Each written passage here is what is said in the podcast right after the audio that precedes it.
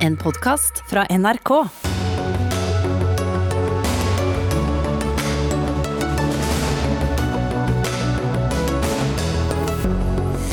Kommuner er i ringer, skoler og land er i forskjellige farger, og tiltak har forskjellige bokstaver. Hvor lett er det å forstå smittenivå og tiltak i Norge?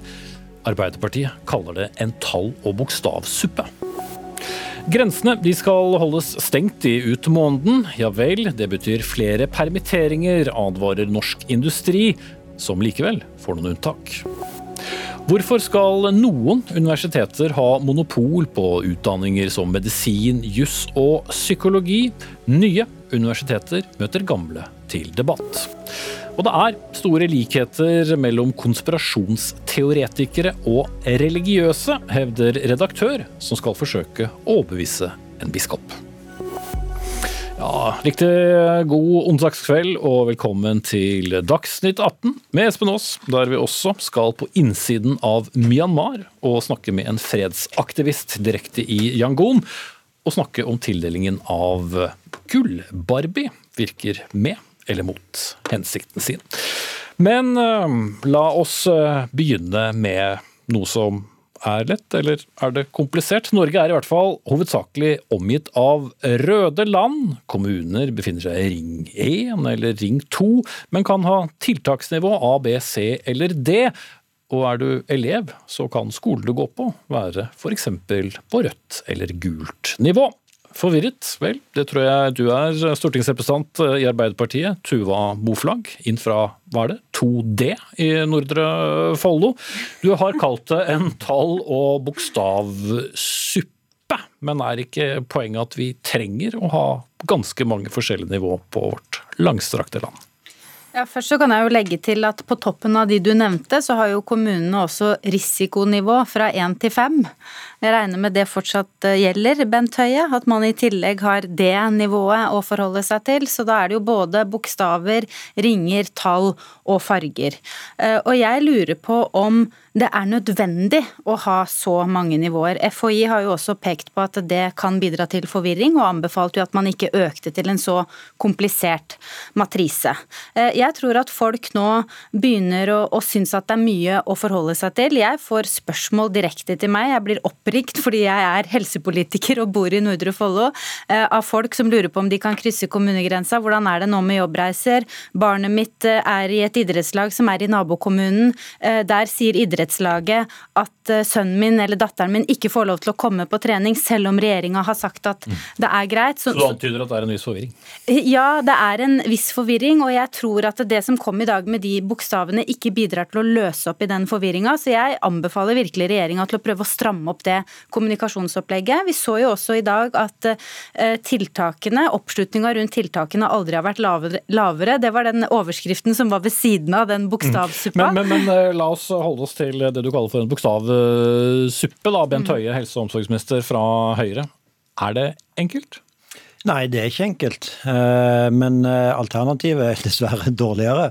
Fordi f.eks. For det som Tuva Moflag her tar opp, hvis vi ikke hadde etablert nasjonale beslutninger i disse områdene med utbrudd, så hadde jo alternativet vært at hver kommune beslutter sitt nivå. Det er jo det som er vanlig i Norge ellers. Men det vil jo nettopp forsterke de problemene som, eh, som Tuve tar opp, at det hadde vært veldig ulike regler mellom kommunene. Så dette har jo bidratt til en opprydning. Ja, har det det? Må det være farger, bokstaver, tall Nei, det, og ringer? Ja, Det er jo eh, selvfølgelig Men vi må jo ha noen ord til å snakke om dette på. Med, om det, og der er jo selvfølgelig sånn at Jeg fikk spørsmål i dag kunne det ikke hett soner istedenfor ringer. Selvfølgelig kunne det det. Men det hadde jo ikke Det hadde på en måte vært det samme. Fortsatt eh, mange nivåer. Men altså, eh, som noen kan finne på å, spørre om, da. Hvis du bor i Oslo, som er en ring 1 kommune og har tiltaksnivå B, kan du da dra til en kommune som er ring 2 og har tiltaksnivå D? Altså hvordan skal vi forstå ja, dette, dette dette. Dette kommer jo fram på de rådene som er gitt. Der sier vi jo at en Eh, kan eh, f.eks. dra på en jobbreise. Det er ikke sånn at kommunegrensen i Norge er etablert som en grense for å bevege seg i Norge. Eh, sånn at, men det, det, så det er jo helt og det har vi jo kommunisert hele veien. Det var helt i begynnelsen av utbruddet i Nordre Follo.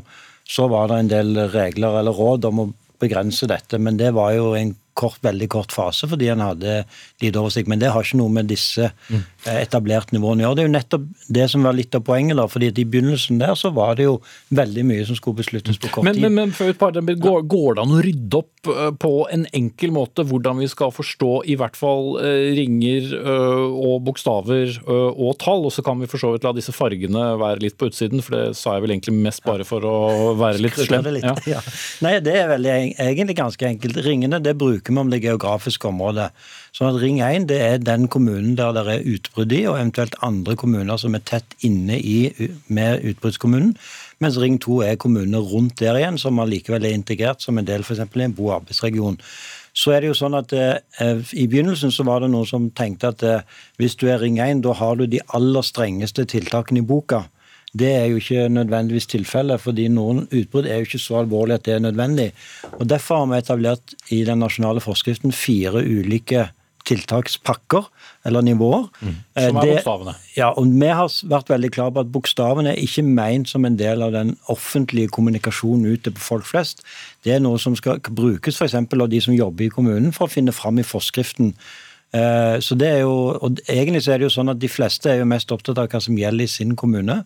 Og det som gjelder i sin kommune, det får en jo veldig klar beskjed om. hva som. Hvordan da? For jeg prøvde å finne ut uh, både Jeg vet jo hvilken, hvilken ring uh, jeg tilhører, men hvor, hvor, hvordan skal jeg finne ut om det kan du gjøre på to måter. Du kan enten gå inn hvis du bor i Oslo, da, så kan du gå inn på Oslo kommune sin side, eller så kan du gå inn på helsenorge.no. og Der vil du òg finne en link der både de lokale tiltakene i din kommune står, og så er det òg informasjon der om de nasjonale tiltakene.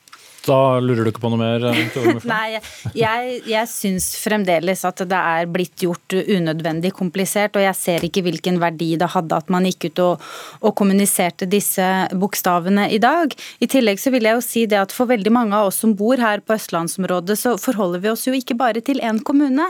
Vi bor gjerne i én kommune, og så jobber vi i nabokommunen, og så har vi kanskje en videregående elev i husholdningen som da går på skole i en tredje kommune igjen. Bor du nå i Nordre Follo og har en elev som går går på, på videregående skole i Vestby, så åpner kjøpesenteret der i morgen, men det åpner ikke i Nordre Follo, selv om smittesituasjonen er lik. Og så lurte jeg på om Jeg er litt eh, på jakt etter at eh, Bent Høie skal klargjøre om kommunenes risikonivå fra 1 til 5. Hvilken rolle skal de spille opp mot tiltakspakke A til D?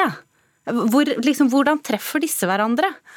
Og, og, da opp mot gult, rødt og, og, og grønt i skolene. Hvor, hvor, treffer disse nivåene hverandre? Har man noe godt svar på det? Ja, altså Det som du tar opp er jo helt ulike ordninger. Risikonivået i kommunene er jo et etablert system som kommunene bruker i helt andre situasjoner enn covid-19. Der de vurderer risikosituasjonen f.eks. i en helsetjeneste i forbindelse med en hendelse i kommunen. Så det er en del av den interne risikovurderingen som gjøres av en kommuneadministrasjon kommunens innbyggere forholder seg jo i veldig liten grad til det. Eh, så jeg forstår ikke helt hvorfor du liksom har behov for å blande det inn i denne sammenhengen. Og så er det sånn at, eh, at kommunene eh, gjør jo vurderinger av hvilke tiltaksnivå som skal være i skolen.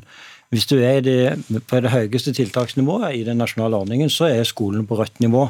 Mm. Men på de lavere nivåene så er dette på gult nivå, eh, og det følger jo da av de rådene som mm. ligger der. Så jeg må runde av, for det vi skal ha en diskusjon til, men hva, hva er det vi først og fremst skal være opptatt av? Vi skal være opptatt av å ha en viss overblikk om hva er de nasjonale rådene og tiltakene, og hva gjelder i min kommune. Og Hvis du da jobber i en annen kommune, så vil dette systemet gjøre det mye enklere for deg, for da er det større sannsynlighet for at reglene er lik i den kommunen du bor i, som den kommunen du jobber i. Mm. Ja, da må jeg snike inn at forrige uke så fikk vi beskjed om at hvorvidt ishockeyhallen kunne åpne eller ikke, var avhengig av hvilket risikonivå kommunen lå på. Tre, fire eller fem var kommunisert fra FHI. Så mm. da må statsråden ta med seg det tilbake, at mm. risikonivåene faktisk også kommuniseres ut. Mm. Blå statsråd og rød stortingsrepresentant, iallfall. Takk skal du ha. Men det er mange eh, ting å forholde seg til eh, i dag, også for norsk næringsliv. For eh, beskjeden derfra er at det blir problemer i industrien i ukene fremover, fordi regjeringen i dag har besluttet å videreføre smitteverntiltak med tilnærmet stengte grenser ut februar, altså forlenge det med noen uker.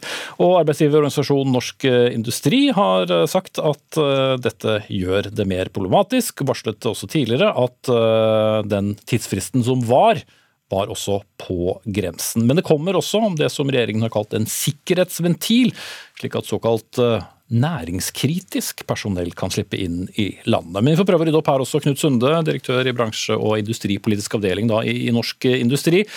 Dere var her 29.1 eh, da vi snakket om tiltakene og sa at dette kunne gå akkurat i to uker. Nå blir det enda to uker. Hva betyr det? Det betyr at det blir eh, store problemer for veldig mange bedrifter. For det er tre typer arbeidskraft vi henter fra utlandet. Det er svensker, det svensk-norsk arbeidsmarked, og der er det veldig mange bedrifter langs svenskegrensen som nå får store problemer. De har svenske ansatte gjennom 10-15-20 år som ikke kan komme på jobb. Så de bedriftene kommer til å knele. Så har vi de som trenger innleid arbeidskraft, særlig verftene på Vestlandet. De trenger stadig nye disipliner for å få framdrift i prosjektene, og der kommer det til å stoppe opp hos flere nye av dem. Nye disipliner? Ja, altså nye elektrikere okay, og stillasmontører og andre folk enn de de har til enhver tid. Så der vil det nok eh, stoppe opp. Og så har vi det som regjeringen heldigvis antageligvis åpnet for, men det får vi jo se etter hvert. Og det er de helt kritiske hvis det er havari, eh, kritisk vedlikehold, enkeltpersoner for å hjelpe til med investeringer, enkeltpersoner for å sørge for at skipet blir ferdig før det går ut fra kaia. Den type ting. Der tror vi statsråden har eh, laget et smutthull som vi kan få disse enkeltpersonene inn, mm. som gjør at veldig store verdier ikke stopper opp. Mm. Ansvarlig statsråd skal straks få svare på det, men det er vel også en forståelse hos dere, etter hvert som vi har muterte virus fra opptil flere kontinenter, at vi må være forsiktige? Ja, det, det, blir gærent uansett hva regjeringen gjør. De får kjeft uansett. Damn if you do and damn if you don't. og det, det, har vi full forståelse for. Og vårt eneste håp er at man nå stiller så veldig støffe krav til arbeidsgiverne, sånn at kun de mer seriøse kan få inn folk. Og de som ikke greier å skikke seg og håndtere smittevern i Norge, de trenger ikke å få inn folk de nærmeste tre-fire månedene. Mm.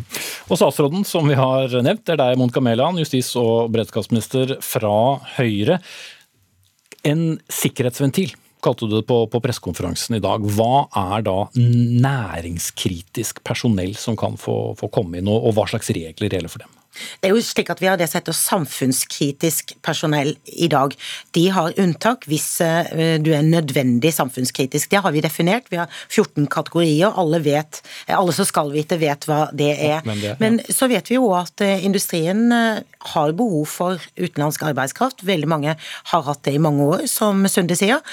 Og vi er opptatt fortsatt å ha kontroll over situasjonen. Vi jobber nå med å slå ned det muterte flere steder i landet, og vi vet at importsmitte bidrar til økt smitte. Mm. Og Derfor har vi stengt grensene. Men vi åpner nå for en sikkerhetsventil. Det betyr eh, at eh, ekspertise som er helt nødvendig for at en bedrift ikke skal stoppe helt opp, f.eks. en eh, reparatør på en maskin, skal kunne søke om å få komme inn.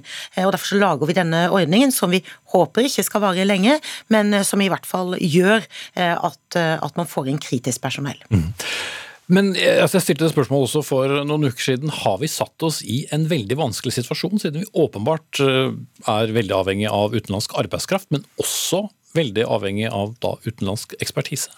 Nei, Det er faktisk alle land. For eh, De fleste maskinene man bruker i industrien, de er lagd i Tyskland, Nederland, Danmark, Finland overalt. De lages ikke i Norge. Og Da er det sånn at når de skal repareres, enten det er akutt eller kritisk vedlikehold, så må de folkene fra de bedriftene komme. Man har ikke lov i Norge til å gjøre det. Da påtar du et ansvar på mange hundre millioner kroner, og kundene kan stille deg ansvarlig hvis du begynner å mekke litt på det selv. Så det, Sånn er internasjonal handel, og da er det eksperter, og det er tilsvarende er det norske eksperter som reiser til utlandet for å reparere på det vi lager og eksporterer over hele verden.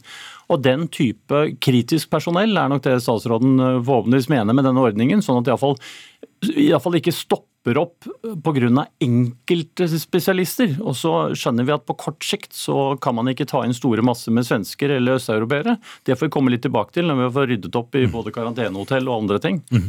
Eh, men hvordan skal det vurderes eh, hva som er næringskritisk nok, og kan de bare reise inn og vise til en koronatest eller to, eller skal de i karantene? Hvordan skal dette fungere? Mellom? Ja, nå jobber vi med de reglene. Nærings- og, næringsministeren jobber med de reglene, har fått ansvaret for det. Det blir et smutthull, det blir enkeltvurderinger. Og her er det jo viktig at bedriftene forstår at man ikke kommer, kan komme med massesøknader, men det oppfatter at norsk industri er veldig oppmerksom på, og at det må være gode begrunnelser for hvorfor den enkelte skal komme inn. Og så vil jo testregimet karanteneregimet, karanteneregime gjelde, med mindre man har spesielle unntak. Men dette handler jo om å holde kontroll på smittesituasjonen. Vi gjør alt vi kan nå, og så håper vi at vi ikke skal uh, måtte holde på dette lenger enn nødvendig. Mm. Vi står i noen dilemmaer, uh, men vi må nå ta noen valg, og det er en stor tiltaksbyrde på mange i Norge, og da må vi også sørge for at vi uh, har så lav import som mulig av mennesker. Mm. Ok, vi setter strek der. Monica Mæland, justis- og beredskapsminister fra Høyre, og Knut Sunde fra Norsk Industri. Nå slapp å sende SMS, i hvert fall, for nå var dere i studio. Helt til slutt i denne koronabolken så skal det handle om eh, konsekvenser for en annen del av norsk økonomi, nemlig eh, kjøpesentra på østlandsområdet.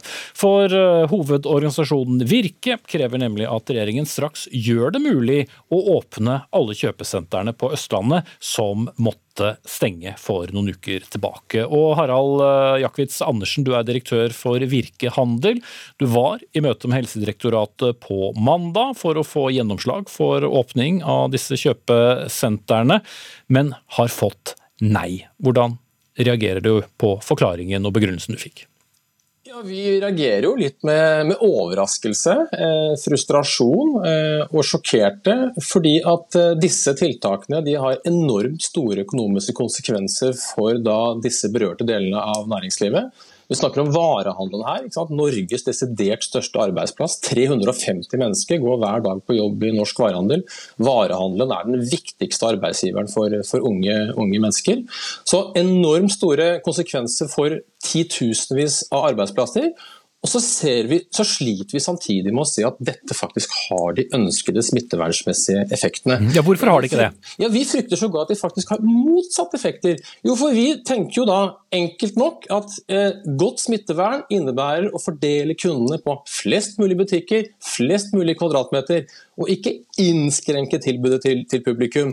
For det disse tiltakene fører til, jo det er jo at kundene flytter seg til færre butikker, færre kvadratmeter, og så setter vi oss i bilen når nærsenteret vårt er stengt, og kjører til eh, kjøpesenteret på andre siden av grensen. Stikk i strid med intensjonen med tiltakene, som jo var å begrense mobilitet. Mm. Og Dette var jo en av begrunnelsene for å gjenåpne vinmonopolene. Bent Høie, helse- og omsorgsminister eh, tilbake i studio. Hvordan svarer du kritikken?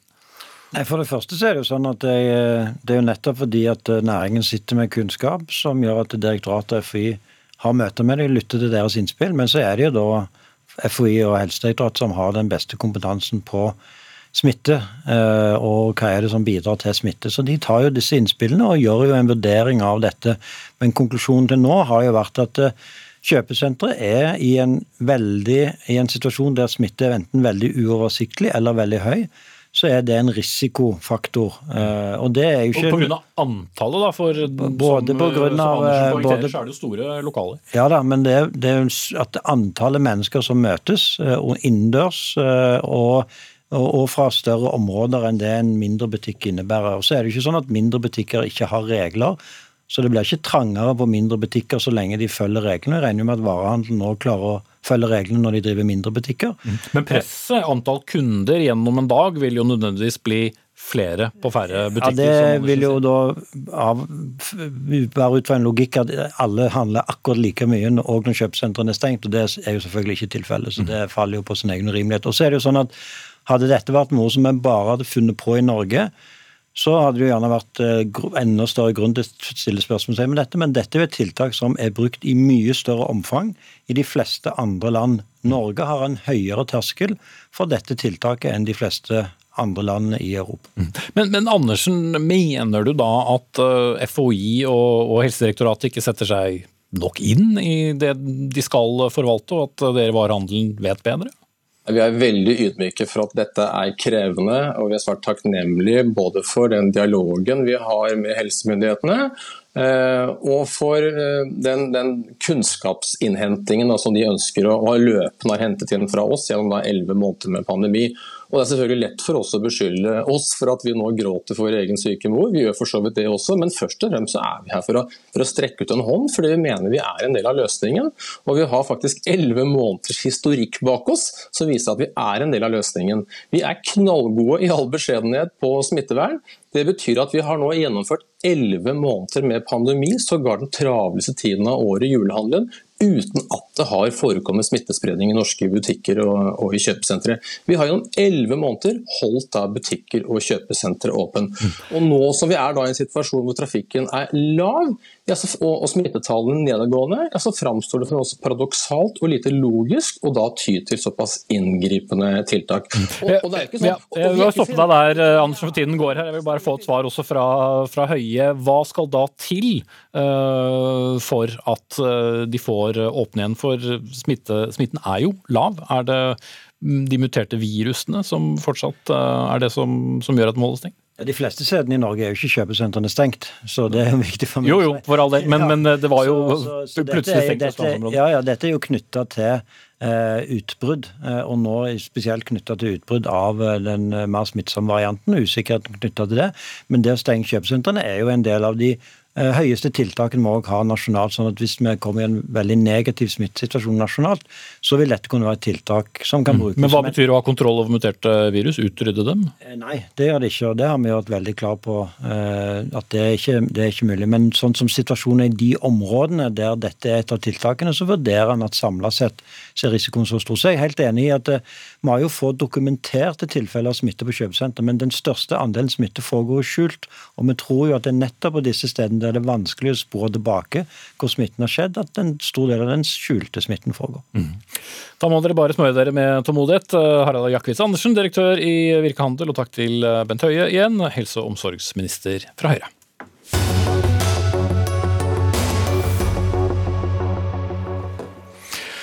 Mot slutten av denne sendingen så skal vi diskutere likheten mellom konspirasjoner og religion, idet redaktøren av forskning.no møter biskopen i Borg. Men nå skal vi til kanskje den utenrikssaken som har fått mest oppmerksomhet den siste uken. Det handler om vannkanoner, titusener i gatene som protesterer, og politi og militære med gummikuler. Det er gått en uke siden militæret tok over makten i Myanmar. Igjen. En av dem som ser det hele på nært hold, er fredsaktivisten Tetzwe Win. Han leder en organisasjon som heter Synergy, Social Harmony Organization, og er med oss nå på linje fra landets største by, Yangon. Og jeg skal intervjue ham på engelsk, og vil oversette litt underveis. Mr. Tet Swewin, thank you for joining us. May I start by asking you briefly to describe the current situation and mood in your country after the coup? Okay, um, we have been in a military rule for 10 days. So uh, at the first night of the uh, the military coup, so they started arresting the military started arresting the the the political leaders like Aung San Suu Kyi and the president, as well as our uh, fellow activists and many other people were also arrested. And then at the third day of the coup, then people started getting out to the street. And then, you know, it was led by the women factory workers. They started getting out to the street. And then they did the, uh, they started the revolution and protest. So from this, uh, the whole country is getting involved into the protest. As right now, uh, we are already doing the protest for almost one week, and the, the protest is getting bigger. Even yesterday, uh, there were there was a girl got shot uh, to her head by the gang in Nepal. Uh, she is reportedly dead. So it was the first um, killing case of the by the people to the by the police to the people, and also uh, at the uh, uh, since after they took over the uh, the power, they shut down the internet uh, twice already. Right. First time uh, it was at the 50, they shut it down for hefty. And then we got the internet for a few days. After that, they shut it down again. Uh, they shut down the Facebook and they shut down Twitter and Instagram. Okay. So uh, use... VPNs now to use the internet and to connect with the war. Yeah, sorry for interrupting you there. Uh, just uh, translate briefly. Altså, Protestene har, har, økt i omfang, som han uh, forteller, og, men også har da uh, blitt slått ned på uh, og møtt med sanksjoner. Blant annet så har jo da nettet blitt stengt ned ved flere anledninger. Mr. Tet Swin, the Norwegian State Minister of Foreign Affairs is listening to this conversation. What kind of message would you send to him? Okay, I would like to ask the Norway government not to recognize the military, the regime as the governing body of this country. They are not the government of my country. They are the, the they are the they are stealing the power from the elected government. So do not negotiate or do not deal with the thief. Secondly, uh, since the Telenor the Norwegian uh, telecom company if if investing here. So the I would like to request the Norwegian government and the Telenor company to uh, not to listen to the orders of the military because military is asking those internet companies to shut down the power and to, to shut down the internet and then give the user data to the military. So I would like to request, strongly request uh, Norwegian government and to Telenor company not to comply with any order from the military regime. Okay, uh, I have to cut you short there, I'm afraid. Mr. Tetzware Win, thank you so much for, for joining us. Og med i studio, som uh, annonsert, statssekretær i Utenriksdepartementet Jens uh, Frølich Holte. Oppfordringen uh, fra denne fredsaktivisten er altså ikke anerkjenn militærregimet som har stjålet makten, ikke forhandle med dem, og for så vidt ikke du kan gjøre noe med, da, men at Telenor da ikke bør følge ordre om å, å stenge nettet. Eh, hvor mye kan du svare på dette? Først så vil jeg si at vi var tidlig ute med å fordømme eh, kuppet eh, med en gang det skjedde. Gjorde det veldig tydelig og oppfordret, eller krevde også at militæret slapp eh, fri demokratisk valgte ledere, eh, journalister og menneskerettighetsforsvarere. Eh, så pleier ikke Norge å anerkjenne regjeringer, vi anerkjenner stater. Men det er klart vi må gjøre en, en, en revurdering av eh, engasjementet vårt i, Myanmar. Vi har hatt et langsiktig engasjement for eh, fattigdomsbekjempelse og demokratisering. Eh, kuppet setter dette i et, i et, nytt lys, men vi har, eh, vi har fordømt kuppet. Eh, vi eh, mener at de demokratisk valgte lederne må slippes fri. Og så har vi jobbet i Sikkerhetsrådet mm. med å få til en uttalelse som faktisk var enstemmig, og det er første gang siden 2018 at de har men, men er det aktuelt å ha en dialog med kuppmakerne og, og snakke med dem, slik han da mener dere ikke skal? Altså, når vi eh, skal se på engasjementet vårt i Myanmar, så må vi vurdere hva gjør, eh, hva gjør, det mulig å oppnå de målene vi har. Vi ønsker demokratisering, eh, vi ønsker å bekjempe fattigdom. Hvordan vi skal gjøre det nå i situasjonen med kuppet, det må vi, det må vi revurdere, og det er et arbeid vi holder på med nå. Men sånn, på det rent praktiske så har kuppmakerne makt nå, og når det gjelder Eh, litt det sikkerhetsmessige, eh, eh, så er det viktig at vi vet hvordan de tenker og agerer. Og, og, men det er litt, litt tidlig enda å si akkurat hvordan dette vil spille seg ut. Mm. Så, så, du åpner for at det kan være en, en dialog der. Eh, Seniorforsker ved Prio, Stein eh, Tønneson, du har jo også kontakt med, med, med, folk i, i Myanmar som sikkert ville fortalt mye av den samme historien eh, kanskje, som, som, det vi hørte innledningsvis, på en litt, litt ruskete linje, eh, får vi eh, si. Men til Aftenposten i dag så sier du at eh, denne gangen, altså dette andre kuppet, så er det fare for en massakre. Hva, hva legger du i det? Ja, jeg ser at demonstrasjonene har økt fra dag til dag. Og de samtalene jeg har hatt med kolleger i Myanmar i dag også tyder på at harmen ikke legger seg. De sier dette er en ny generasjon, dette er generasjon Z. De er blitt vant til de siste årene å ha åpne kanaler til andre land, og de vil ikke finne seg i dette militærdiktaturet. De vil ha frigitt sin leder Aung San Suu Kyi, og de kommer ikke til å gi seg før de har fått det til. Mm. Men det er jo ikke uten konsekvenser? Nei, de er blitt rammet av vannkanoner, kuler, noen også noe med, med full ammunisjon. Og som vi hørte, så er det en ung kvinne som ble skutt i går. Og tydeligvis dødelig såret.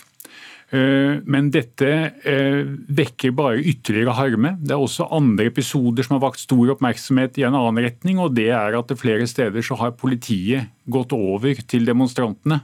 Og man har sett bilder av hvordan de i politiuniformene tar ned barrikadene og demonstrerer sammen demonstrantene. Vi ser også at funksjonærer i selve regjeringsbyen Naypyidaw demonstrerer mot militærjuntaen. Mm. Men øh, vi husker jo også at øh, regimet tok seg veldig god tid uh, til å lytte til omverdenen under forrige. Nå har de for så vidt understreket at dette skal dreie seg om et år, men Demonstrantene syns jo selvfølgelig at et år er, er, veldig lang tid. Hvor mye har det å si for eh, regimet hva som eh, blir sagt og gjort i et sikkerhetsråd, eller hvorvidt uh, en, en, regjering som Norges har kontakt eller ikke med dem? Denne resolusjonen som kom fra FNs sikkerhetsråd tror jeg har enorm betydning for det at også Russland og Kina var med på den. Og Kinas innstilling er av særlig stor betydning. Japans er også av svært stor betydning, og den har vært tydelig i fordømmelse. Du har også hatt japanske selskap som har avbrutt samarbeidet med militæreid selskap i Myanmar.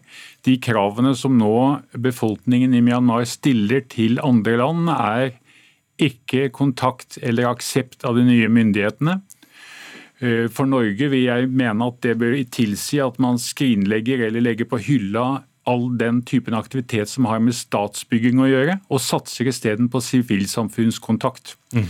Så vil man ha en våpenembargo, og man vil ha avbrutt kontakt eller samarbeid med selskaper som er eid av militæret, og der finnes det lange lister. Mm. Men for all del, bli hos oss. Ikke kutt ut kontakten med vårt folk, sier de. Og det inkluderer Telenor. Telenor må ikke bli borte, for det er den mest eh, troverdige leverandøren som du har på internettet. Og dette med den digitale revolusjonen er en kjernesak for generasjon Z. Mm. Men som da åpenbart har stått i en vanskelig spagat, for de har fått eh, streng beskjed, slå ned internett, og de har jo da sagt at de har følt de har hatt eh, lite valg, og, og, valgt å gjøre det. Men, men eh, det mellom 2014 og 2019 ga Norge halvannen milliard kroner til landet i, i, i, støtte. Det har vært forskjellige programmer øh, og prosjekter. Hva, hva, hva skjer med alle disse nå, etter kuppet? Det er vi i ferd med å gå gjennom. Eh, vi har en veldig bred bistandsportefølje. Altså, noe av det er humanitær bistand, eh, bl.a. som følge av de grusomhetene som skjedde i Rakhine eh, med rohingyaene. Vi har demokratiseringsstøtte, vi har fred- og forsoningsstøtte, og det er også stat-til-stat-bistand som handler om kapasitetsbygging hos de sivile myndighetene til å forvalte naturressurser, forvalte hav f.eks. Men så når vi går gjennom nå, så ser, har vi et spesielt blikk på det som kan uh, være problematisk å støtte, uh, støtte de militæres uh, stilling. Uh, vil ikke sende et ganske sterkt signal og bare skru igjen kranen? Men da er spørsmålet hva vil vi oppnå? Vi ønsker jo å bidra til at Myanmar går i en rett, demokratiseringsretning, og at vi sterker og forsterker de stemmene i Myanmar som kan bidra til det. Eh, det vil si at Demokratiseringsstøtte og menneskerettighetsstøtten vår eh, vil forbli viktig. og Humanitær bistand eh, er noe vi gir basert på et humanitært imperativ, og ikke om vi liker menneskene som får den eller ei. Så Det er ganske mange sånne vurderinger vi må gjøre. Og så bare ett poeng til om Sikkerhetsrådet. I Sikkerhetsrådet nå så sitter både India og Vietnam, i tillegg til Kina og Russland. Alle disse landene eh, sluttet opp om resolusjonen. Det er et veldig veldig sterkt signal. Eh, vi jobber også nå eh, for at det skal være en spesialsesjon i FNs menneskerettighetsråd på fredag. Hvor vi jobber sammen med Storbritannia for å få dette opp, og håper å få en resolusjon der òg. Det, det, spiller en rolle hva det internasjonale samfunnet mener, og her har Norge tatt en veldig aktiv og fremoverlent rolle. Mm dette året som det militære har, gitt seg selv ut fra hvordan vi skal lese både reaksjoner fra det internasjonale samfunn og det som skjer på innsiden av landet nå, er det grunn til å tro at det vil klare det? Jeg tror neppe det vil ta bare et år. Eh, og militæret er på en måte nå tilbake til start der de var i 2004. I 2004 vedtok de militære en sjustegsplan for overgang til et disiplinblomstrende demokrati, som de kalte det.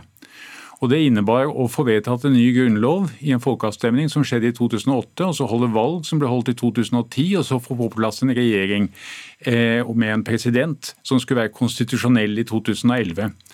Og så gjorde de noen bommerter i hele opplegget, for de la inn en masse i den grunnloven som skulle sikre militærets makt. Men de sørget ikke for å få til en valgordning som kunne hindre Aung San Suu Kyis parti i å vinne absolutt flertall i nasjonalforsamlingen, og dermed få makt over presidentvalget som skjer i nasjonalforsamlingen.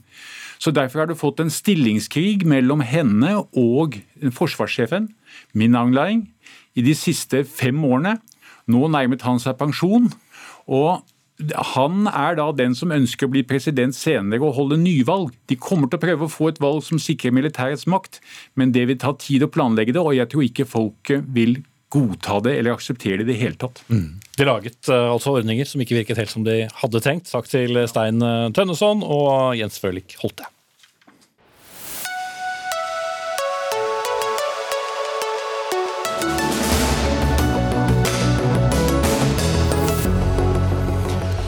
Så skal vi hjem igjen, eh, som vi sier, og til uh, våre utdanningsinstitusjoner, som uh, jo for så vidt lever under spesielle tider, som vi vet, men la oss se litt større på det. Skulle du velge å studere medisin eller til tannlege, skulle du studere juss eller psykologi, så kan du ikke gjøre det overalt. Det er bare noen studiesteder, universiteter, som tilbyr disse utdanningene.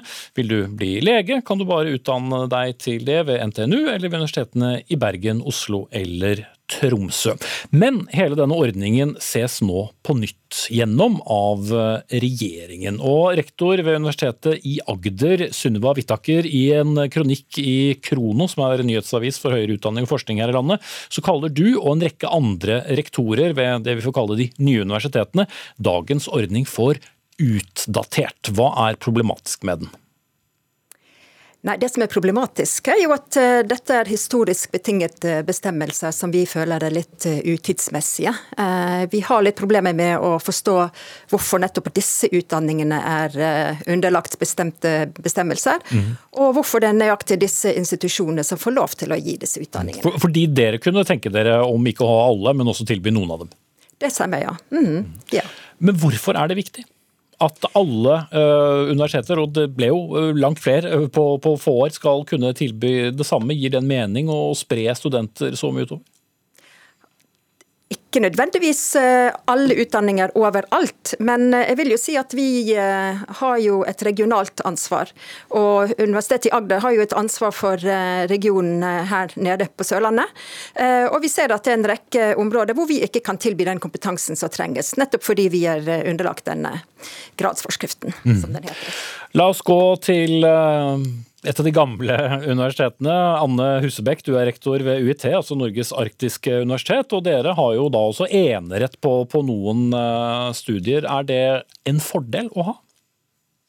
Ja, om det er en fordel, det eh, skal jeg ikke si. Men eh, vi er et stort land med relativt få mennesker. Og innenfor vår sektor så er dette med samarbeid, arbeidsdeling og konsentrasjon prinsipper som vi kjenner og som har vært brukt i mange tilfeller. Når det gjelder disse studiene det er snakk om her, så er det ressurskrevende studier. Både når det gjelder fagkompetanse og økonomi. Eh, så det vi tenker det er at eh, de fire studiestedene som f.eks. tilbyr medisin, eh, gjør det med et nokså sårbart fagmiljø. Et fagmiljø som ville bli enda mer sårbart hvis studiet skulle fordeles på flere institusjoner.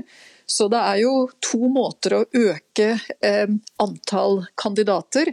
Det ene det er å ha flere studenter på de etablerte fakultetene, eller eh, som Sunniva Whittaker ønsker seg, at det skal opprettes flere studiesteder. Mm. Men i dag så er jo 40% av medisinstudentene studerer jo utenlandsk fordi de ikke får, utenlands, fordi de får plass, eh, ikke får plass her hjemme. Er det en god ordning? Ja. Det, det, kan du si at det er en eh, mindre god ordning. Det ble jo eh, rettet noe opp i dette etter eh, denne Grimstad-utvalgets rapport, eh, og i revidert statsbudsjett så ble det gitt flere studieplasser, bl.a. til de fakultetene som nå tilbyr medisinutdanning. Så det er på en måte tatt tak i. Vi ønsker selvfølgelig at studentene skal studere i Norge, og vi vet jo også at eh, studenter har tendens til å bli på det stedet hvor de har studert. På den måten så har vi ved UiT fylt Nord-Norge med akkurat leger og tannleger og jurister og psykologer. Mm. Men, men, dette er altså kostbart, og samfunnsøkonomisk er det neppe holdbart å, å åpne for flere utdanninger i Norge. Men eh, hvis jeg går tilbake til deg i, i Agder, da, Sunniva Hvittaker. Eh, det er jo ikke fryktelig langt likevel fra Agder til f.eks. Oslo, hvor en del av disse utdanningene er. Er det ikke bedre at forskjellige universiteter har sine egenarter? Altså det er kanskje ikke så veldig langt i, eh, i kilometer, da. Men uh, for å ta psykologi f.eks., som er et av de studiene som vi ønsker å tilby, så vet vi at det er kommet en ny lov som pålegger alle kommuner å ha uh, psykologtjenester. Uh, vi vet at 50% av kommunene i Norge faktisk har problemer med å rekruttere, og vi ønsker å gjøre noe det for vår egen landsdel. Så det er ikke bare den geografiske avstanden. Dette har jo Demografiutvalget også påpekt i sin NOU som kom ut litt før jul, da. Mm. Men samtidig så kunne vi jo da se for oss en, en situasjon hvor Universitetet i Agder skulle begynne å eh, i hvert fall på litt lengre sikt, da, eh, konkurrere med f.eks. Universitetet i Oslo, som er i hvert fall et av de nærmeste universitetene, om de samme studentene. Er det bra? Det gjør vi jo på veldig mange andre områder, så jeg ser ikke hva forskjellen er. Altså, vi utdanner siviløkonomer eh, begge steder, vi har en rekke andre utdanninger som tilbys på mange forskjellige steder. Men eh, nå er det jo slik med psykologi som for medisin, at her er det jo mange som studerer i utlandet. Eh, vi vet at det er ikke mangel verken på studenter eller på jobber for psykologer. Så vi tenker at det, det er litt viktig da at vi klarer å få disse studentene hjem òg. Så vet vi jo at noen studenter som har studert i utlandet, har hatt problemer med å få godkjent sin utdanning.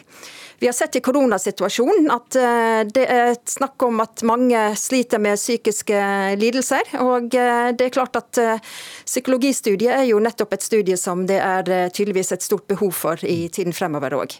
Husebekk, hva frykter du mest det ville ha å bety da, hvis det ble åpnet mer opp for disse studiene, også ved de andre universitetene? Ja, Det er først og fremst fagmiljøene jeg tenker vil eh, tape på det. Eh, som sagt så er det ganske små og sårbare eh, fagmiljøer. Og fra nord så har vi en stadig lekkasje mot sør, så det vil kanskje ramme oss hardest. Vi ønsker jo å ha en kvalitet på studiene som gjør at kandidatene som kommer ut er best mulig i forhold til å møte eh, pasienter, eh, befolkningen i det hele tatt, med god kvalitet. Og eh, vi er redd for at eh, fagmiljøene, ikke bare i Tromsø, men eh, ved de fakultetene som tilbyr utdanningen i dag, blir utvannet og kvaliteten blir dårligere. Men, men tilbake til poenget mitt eh, i sted. Hvis vi har det som i dag, så vil vi jo fortsatt da ha en stor andel som utdannes i utlandet og ikke følger de norske universitetene. Så kan det jo hende at eh, det kan tilbys flere studieplasser der studiene tilbys i dag. Og det var jo meldingen fra eh, de største universitetene i forhold til å tilby flere studieplasser til medisin. Mm. Og det kan vi også gjøre til psykologi og jus og tannmedisin. Vi inviterte statsråd for høyere utdanning, Henrik Asheim fra Høyre. Han hadde ikke anledning til å delta i debatten, men har lovet å stille når regjeringen har konkludert i dette spørsmålet. og Den konklusjonen legges frem sammen med en stortingsmelding om ny styringspolitikk for universiteter og høyskoler før påske. Takk til Anne Husbekk, rektor ved UiT, Norges arktiske universitet, og Sunna Whittaker fra Universitetet i Agder, der hun er rektor.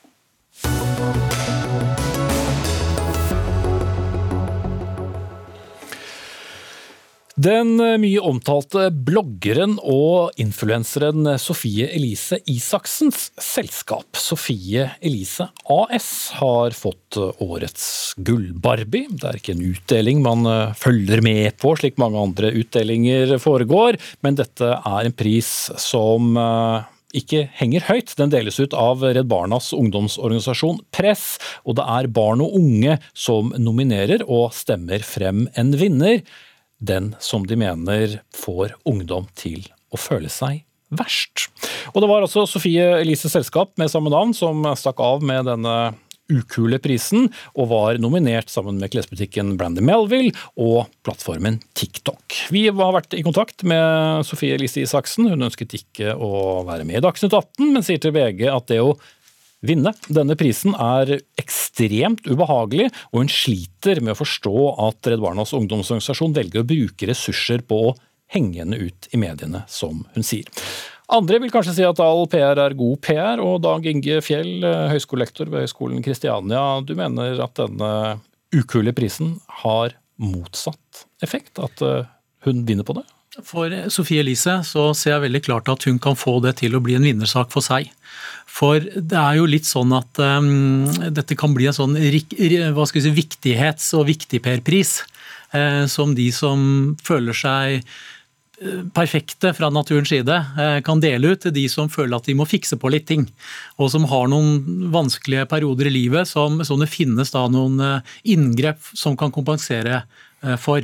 Eh, så jeg ser jo det at Sofie Elise kan nå i første omgang føle seg mobbet og kan føle seg eh, liksom eh, hengt ut. Og så kan hun da i neste fase jobbe seg gjennom den tunge tiden sammen med tilhengerne sine.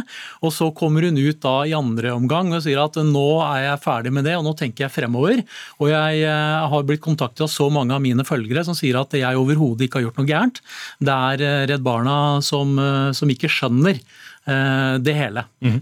Ja, eh, Lea Mariero, du er da leder for Press, altså stadig Redd Barnas ungdomsorganisasjon, og, deler ut denne såkalte gullbarbien, eller den heter vel gullbarbien. Eh, men ser du at den kan ha denne utilsiktede følgen?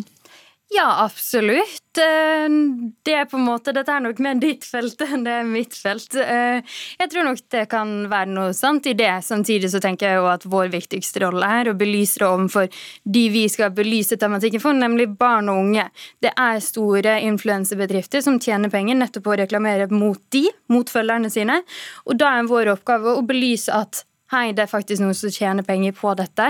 Den måten man markedsfører på, tjener de penger på. Det er ikke tilfeldig, den markedsføringen de driver med. Mm. Men vet måte... ikke folk det? Nei, eh, det er jo ofte det man ikke gjør. Det vi ser, f.eks., er jo at um, følgere uh, har høyere tillit til influensere som de følger utgangspunktet, enn generell reklame som man ser i bybildet. Så Derfor så tror vi jo at det er mer problematisk med, eller derfor vet man jo egentlig at det er mer problematisk med uh, influensemarkedsføring enn med generell reklame. og Det er jo derfor det, denne debatten også er spesielt interessant, men også kanskje spesielt problematisk. Mm. Driver dere med mobbing? Nei, det syns jeg ikke. Jeg syns det er på sin plass at man må kunne diskutere millionbedrifter. Og jeg forstår at det er vanskelig, men det er også Sofie Steen Isaksen selv, som har valgt å sette sitt eget navn som bedriftsnavn, som tjener seks millioner i året, eller har driftsinntekter på seks millioner i året, har flere ansatte, to sist jeg sjekket, jeg vet ikke hva det er nå. Kåret til Norges mektigste mediekvinne, kåret til Årets business. Hvis du ikke da kan diskutere at det er problematiske sider ved businessen, så syns jeg det blir veldig vanskelig å leve i et samfunn hvor vi har en økende markedsføring fra nettopp influensere. Det er den største mest... men, men, men, hovedproblemet med det hun driver med, ut fra de som har stemt henne frem, bare hvis du kan oppsummere det kort? Det er reklame og annonser. Det er begrunnelsen for Det er kjøpt og betalt til det som gjøres på Ja, og det er preget av spesielt sex og kropp for at unge følgere skal kjøpe produktene. Mm. Tilbake til deg da, Dag Ingefjell, som akademikeren her. Vil annonsører få, få problemer ved å da eh, be en Gullbarbie-vinner eh, om å markedsføre produktene deres? Altså For en del store norske bedrifter så vil det være problematisk. Eh, de vil tenke seg om. Men, men, det står altså helt sikkert en kø inn døra her av eh, utenlandske eh, kosmetikkaktører. Helt sikkert en veldig stor kirurgindustri. Og de vil ikke ha noe problemer med å annonsere for sine produkter hos Sofie Elise. Og så er det også sånn at dette, dette, dette feltet er interessant, fordi jeg skjønner at dere trenger en sånn type pris. Jeg skjønner at dere trenger å sette det på agendaen. Men hvis vi går helt ned da, på, på, hvem er det som følger de ulike såkalte influenserne, så er det jo de som mener at de har de samme problemene, de samme utfordringene, de samme tingene som influenserne er opptatt av. Ikke sant? Sånn at du, du snakker altså til, til, Det er nesten sånn at religionshistorikere og kulteksperter skulle, skulle gitt dere litt råd på hvordan er det du minimerer noen som, som dere mener da gir feil signaler og feil ideer om hva kropp er. fordi mange tenåringer de er mye mer opptatt av hva som er viktig å gjøre, enn det som er riktig å gjøre. Og med viktig så mener jeg da det å bli sett og det bli anerkjent og ha en status, det er det viktigere enn hva som er riktig. Eh, og, og, og det, Dette er dilemmaer som er så kompliserte. Men igjen, annonsører er så fragmenterte og de er så mange. Og, men det er mer enn nok av aktører som ikke har problemer med å gå inn her. Mm. Ja, uh, Mariero, det, det, blir jo alltid mye snakk når dere deler ut denne gullbarbien. I hvert fall uh, i, hos oss i, i, i mediene. Men tenker dere på at dere må se på dere selv hvorvidt dette var riktig strategi? Jeg tenker at vi alltid vurderer vår egen posisjon eh, og vår egen eh, gullbabypris. Vår hensikt er alltid å diskutere barn og unge psykisk helse. Vår eh, agenda er alltid å problematisere reklame- og mediebransjen som har som hensikt å utnytte barn og unge. Hvis vi ikke gjør det på en måte som er det mest hensiktsmessige, kommer vi alltid til å diskutere det. Og jeg føler også at den diskusjonen vi har nå, er veldig hensiktsmessig nettopp for å kunne ta den diskusjonen. Og det er den diskusjonen vi alltid har hvert år. Um, og det kommer vi til å fortsatt gjøre. Men det er en debatt vi fortsatt ender opp med at vi, vi synes at det er veldig nødvendig å ha Gullbaby. Eh, til slutt, Dag Inge Fjell, Det er jo noe interessant ved dette, for Redd Barna som organisasjon er jo en organisasjon som nyter høy troverdighet uh, hos uh, folk. Det tror jeg mange vil være enig i. Samtidig så får vi da en slags polarisering likevel når en påvirker, uh, som, som Sofie Elise i dette tilfellet, også går ut og sier det da er noe negativt ved at de gir henne denne gullbarbien.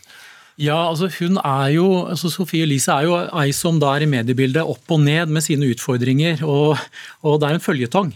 Så Dette blir et nytt kapittel i den føljetongen, hvor hun som sagt møter motgang og, og blir, føler seg mobbet. og Så skal hun jobbe seg gjennom det. Så, så om, om, litt tid så er hun offensiv igjen og reklamerer for nye, nye, løsninger og nye produkter. Og kanskje også da enda mer seksualisert, kanskje enda mer kropp. Fordi hun har um, fått tilgang på de annonsørene som ser seg tjent med det. Mm. Og ble nevnt et utall ganger i Dagsnytt 18 i dag. Takk til Lea Mariero, leder for Press, Redd Barnas ungdomsorganisasjon, og Dag Inge Fjell, høyskolelektor ved Høgskolen Kristiania, og gjentar altså at eh, hun ble invitert til å kommentere dette, Sofie Lise Isaksen, men altså takket nei.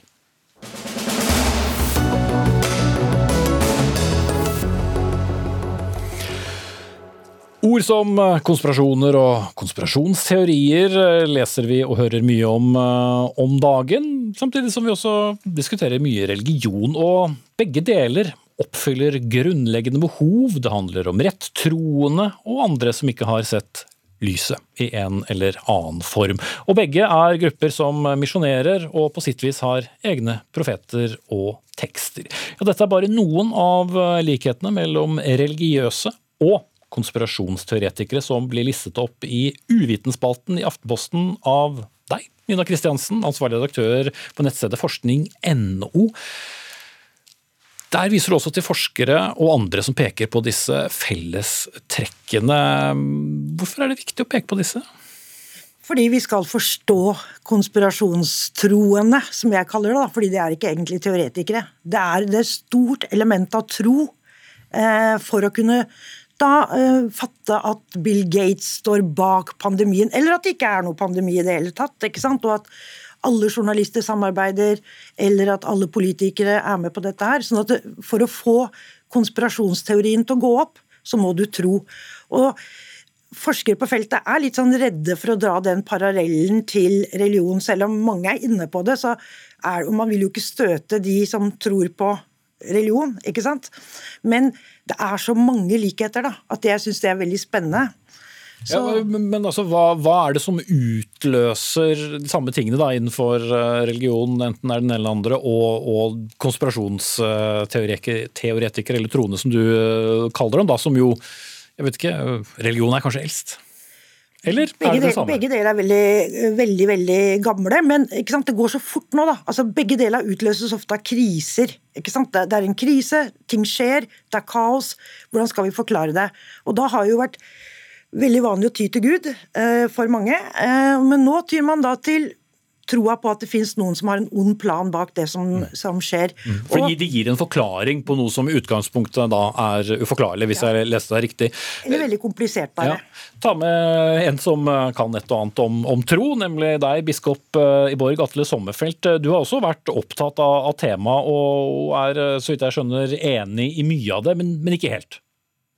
Nei, jeg, jeg, eh, har jo tenkt litt i forhold til hvordan til formiddagens samtale. og da er det, en, det, det første jeg vil si er at det er ingen tvil om at en god del av konspirasjonstroen, jeg synes det er et, i og for seg et godt, uh, godt begrep, at den også har mange religiøse i seg. Og ikke minst sånn som vi ser den i USA, uh, hvor det har vært ganske forskrekkelig for for kristne da, og for kirkene å se hvordan uh, det jo dras et hakk lenger, nemlig at noen har vært i samtale med Gud og funnet ut at Trump skal ha to terms. Så her er det jo ingen tvil om at det er slik at konspirasjonsteorien eller konspirasjonstroen blir fòret av uh, religiøse forestillinger. Men men den, det som blir skrevet nå av min motdebattant her, og det er, der jeg mener at religionsbegrepet blir så vidt uh, at det egentlig det forutsetter en ganske spesiell presentasjon av hva religion er. Så jeg mener at det er i og for seg et feilspor. Jeg tror det er mye viktigere å sammenligne uh, konspirasjonstroen med alle former for autoritære og lukkede systemer. Eh, den største konspirasjonsteorien vi kjenner, og den som har hatt størst politisk innflytelse, er jo de to store, nemlig stalinismen og nazismen, og særlig antisemittismen. Og, antisemittismen er jo, er jo, er jo, var jo vitenskapelig begrunnet i opplysningstiden og i rasebiologien. Så, her, så jeg tenker at er, jeg tror det er mer konstruktivt å bruke at man slutter seg til et fellesskap eh, som skaper et lukket fellesskap. da. Mm. Og Der er det noen religiøse, og noen som ikke er det. Ja. Og Et farlig eller skummelt, eh, eller stort spørsmål, i hvert fall, Nina Kristiansen. En konspirasjonsteori kan du vel langt på vei motbevise, men kan du motbevise Guds eksistens? Du kan jo heller ikke bevise konspirasjonsteorier, fordi det er jo derfor de lever så godt. Fordi Hvordan kan du bevise noe som ikke har skjedd? Ikke sant? Det er nesten umulig. Og dessuten så hviler eh, de som tror på konspirasjonsteorier, seg nettopp på troen. Altså, de, du må tro, fordi du klarer ikke å få disse her tingene til å henge sammen. Og da er det et stort element av tro. og jeg, Det er kanskje mange andre ting man kunne sammenligne med som hjelper oss å forstå det, men jeg syns jo at religion er veldig nærliggende. og det er det mange andre forskere, det er mange forskere som gjør også, særlig religionshistorikere er jo inne på dette her. da. Mm -hmm. og, og Sommerfelt, som du for så vidt selv er inne på, så du, er det i hvert fall eh, mange nære Eh, knytninger eh, og krysninger mellom religion og konspirasjonsteoretikere. Det er, jo, det er jo ikke lite som enten katolikker eller jøder eller eh, muslimer eller hvilken religion det nå skulle være, skal ha, ha stått bak også. Nei, Det er jo helt riktig. At, men, men, husk på at antisemittismens begrunnelse i sin mest dramatiske form den hadde noe religiøse røtter, men den hadde jo først og fremst opplysningstidens tenkning om, om jødene eh, i betydning i verdensøkonomien. og Den ser vi jo nå også i dagens konspirasjonsteorier kommer opp. Sånn at eh, altså, Problemet er at eh, når jeg leser hva hun skriver litt nøyere, så er på den ene siden blir religion for allment, og på den andre siden så må hun beskrive religion på måter som mange religiøse ikke vil kjenne seg igjen i. Ikke fordi vi blir fornærmet, men f.eks. når du sier at religionen i dag er et indre anliggende og indre følelse av, av godhet, så er jo det en veldig lite representativ beskrivelse av hva mennesker som praktiserer religion vil si om sin egen religion, at den utelukkende lever inne. Bare som et lite eksempel. Jeg, jeg, prøvde å være litt grei, da, fordi at hvis du tar den gamledagse guden, altså den hevngjerrige, den som hadde en plan, den som påførte lidelser hvis vi ikke gikk på den rette sti og gjorde akkurat det som eh, tekstene ba oss om, så, så tok jo den guden hevn, eller den kunne straffe oss. Og, og, Det ligner jo veldig på de som såkalt skal stå bak konspirasjonsteorier. Da. De påfører oss vold og terror og pandemier og, og sånne ting. Så, så, den gamledagse guden den er ganske lik den onde krafta bak konspirasjonsteorier. Mm. Men den indre krafta er litt uh, mer positiv, da. Eh, jeg tror jeg skal runde av deg. Det hadde vært fristende å diskutert eh, om det er stor forskjell på å tro på jomfrufødsel og, brennende busker, eller at eh, det er en sammensvergelse av politikere og skuespillere bak en stor satanistisk pedofiliring som tar over verden. Men sendingen er over. Takk til Lina Kristiansen, ansvarlig redaktør i forskning.no, og Atle Sommerfelt, biskop i Borg. Det var Anne Katrine Førli som hadde ansvaret for denne sendingen. Ida Laral Brenna tok seg av teknikken. Jeg heter Espen Aas. I morgen er Sverre Tom Radøy tilbake med ny sending.